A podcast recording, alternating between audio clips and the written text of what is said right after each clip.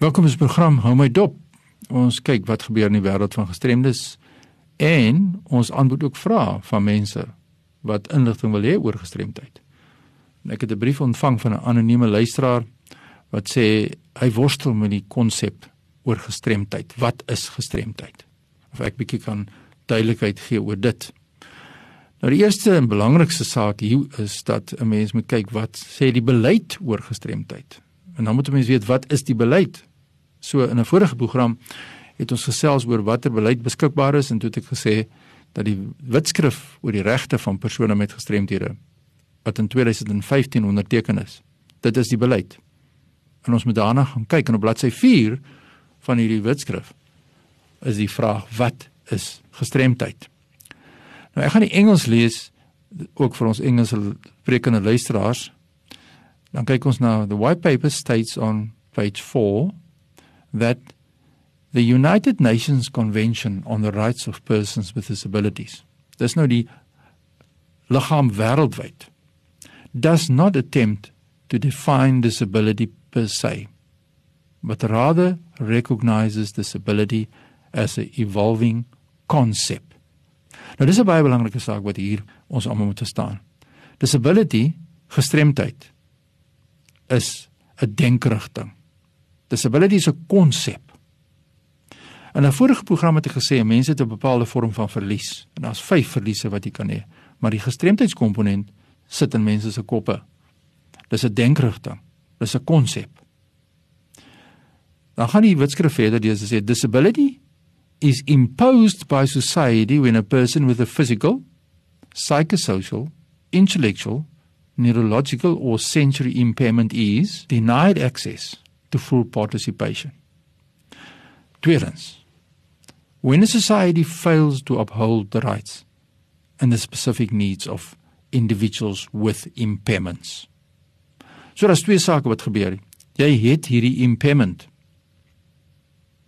En die vyf impairments wat ons na verwys het is fisies, psigososiaal, intellektueel, neurologies en sensories van aard. Maar dit beteken nie dat jy gestremd is nie. En dit is die antwoord aan die luisteraar. Gestremdheid kom in onder sekere omstandighede. Jy het die verlies soos hier aangedui in die wetskrif, maar dan kom gestremdheid in werking wanneer denied access to full participation. Wanneer jy weerhou word deur een of ander ding om ten volle te kan deelneem. En tweede, wanneer die gemeenskap in gebreke bly om die regte van gestremdes te beskerm. Nou kom ons wees nou prakties. Wanneer word jy denied access soos in hierdie Engels aangespreek word hier? Wanneer word jy geweier om deelname te kan hê aan die breë gemeenskap? Kom ons praat dit prakties by jou werkplek. Hou julle 'n partytjie. Maar niemand dink of doen nie moeite om te besluit te maak maar as ons uitgaan vanaand ons het 'n vriend en 'n kollega wat in 'n rolstoel is maar ons gaan nie vir hom voorsiening maak. Dat hy by 'n plek kan kom waar ons partytjie hou dat hy na die toilet toe kan gaan omdat daar nie 'n toeganklike toilet is waar dit is nie of daar's trappe. Dis 'n doelbewuste uitsluiting. En sommige kere gebeur dit nie doelbewus om iemand te na toe kom die mense gee net nie om nie. Hulle doen dit net so. Hulle sluit gestremdes op vele vlakke uit. Kom ons maak nou 'n ander voorbeeld. As ek as 'n dowe kerk toe gaan en daar is nie oordentlike klankstelsel nie, dan word ek uitgesluit. Iemand blind is en die inligting is nie in brail beskikbaar wat kom van die staat af by 'n vergadering nie.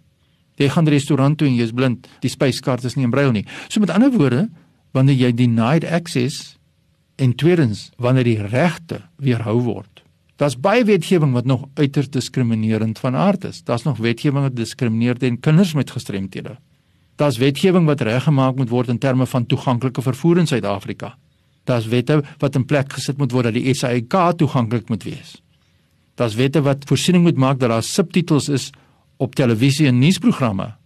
Dit is 'n vorm van wanneer die staat fails to uphold the rights. So ek hoop ek sit die saak mooi uiteen dat mense kan verstaan dat jy gestremdheid het alleen wanneer daar sekere omstandighede is wanneer die gemeenskap disability op jou afdwing. Imposed by society sê die wetskrif. En mense met gestremdheid is dan daardie mense wat weerhou word deur sekere kan ek sê attitudes, sekere houdings, sekere kommunikasie gebrek of vermoë om te kan kommunikeer met die gemeenskap en dan fisiese dinge soos die opritte en die toeganklike toilette en dan ook inligting wat nie beskikbaar is vir hulle nie. Dis is die sake wat ons weerhou. En hoekom moet ons dit kan identifiseer dat ons kan redelike akkommodasie toepas? Dit in plek sit. So as jy sit in die werkplek in aanleiding van hierdie vraag, is ek nou 'n persoon met 'n gestremdheid? Wat is gestremdheid? Dan kan jy vir jouself sê, maar het ek een van hierdie forme van verlies? Hierdie 5. Ja, ek het miskien 'n sensoriese verlies soos Fanie en gehoor, maar is hierdie verlies al 'n gestremdheid? En dan moet ek sê, word ek weerhou om te kan gelyke meeding met my medewerknemers? My bril wat ek dra is 'n verlies. Dis 'n sensoriese verlies in sig. Maar as ek my bril opsit, kan ek goed funksioneer. Dis nie 'n gestremdheid nog nie 'n gestremdheid nie, want die vlak van my sigverlies is nie so erg nie. Maar my gehoorverlies is iets anders. Ek is heeltemal doof as ek my kokleaire implantings afhaal, maar al het ek dit op en daar's 'n geraas buite kan die klaskamer waar ek met opleiding bywoon, dan is nog steeds kan ek nie hoor nie. So gestremdheid is 'n moeilike ding om te kon te definieer en 'n baie goeie vraag en ek hoop ek die luisteraar se vraag beantwoord. Indien jy worstel met wat gestremdheid is en of jy 'n gestremdheid het en of daar teenoor jou gediskrimineer word, is dit nou die tyd. In hierdie menseregte tyd wat ons so baie sterk op fokus. Stuur nou daai e-pos fani.dt by mweb.co.za dan stel ons jou bekend aan kundiges wat ook sal help om ook dan konflik te help ontlont indien daar konflik is as gevolg van die gestremdheid wat jy ervaar binne in die werkplek. My e-pos net weer fani.dt by mweb.co.za. Groetens tot volgende keer.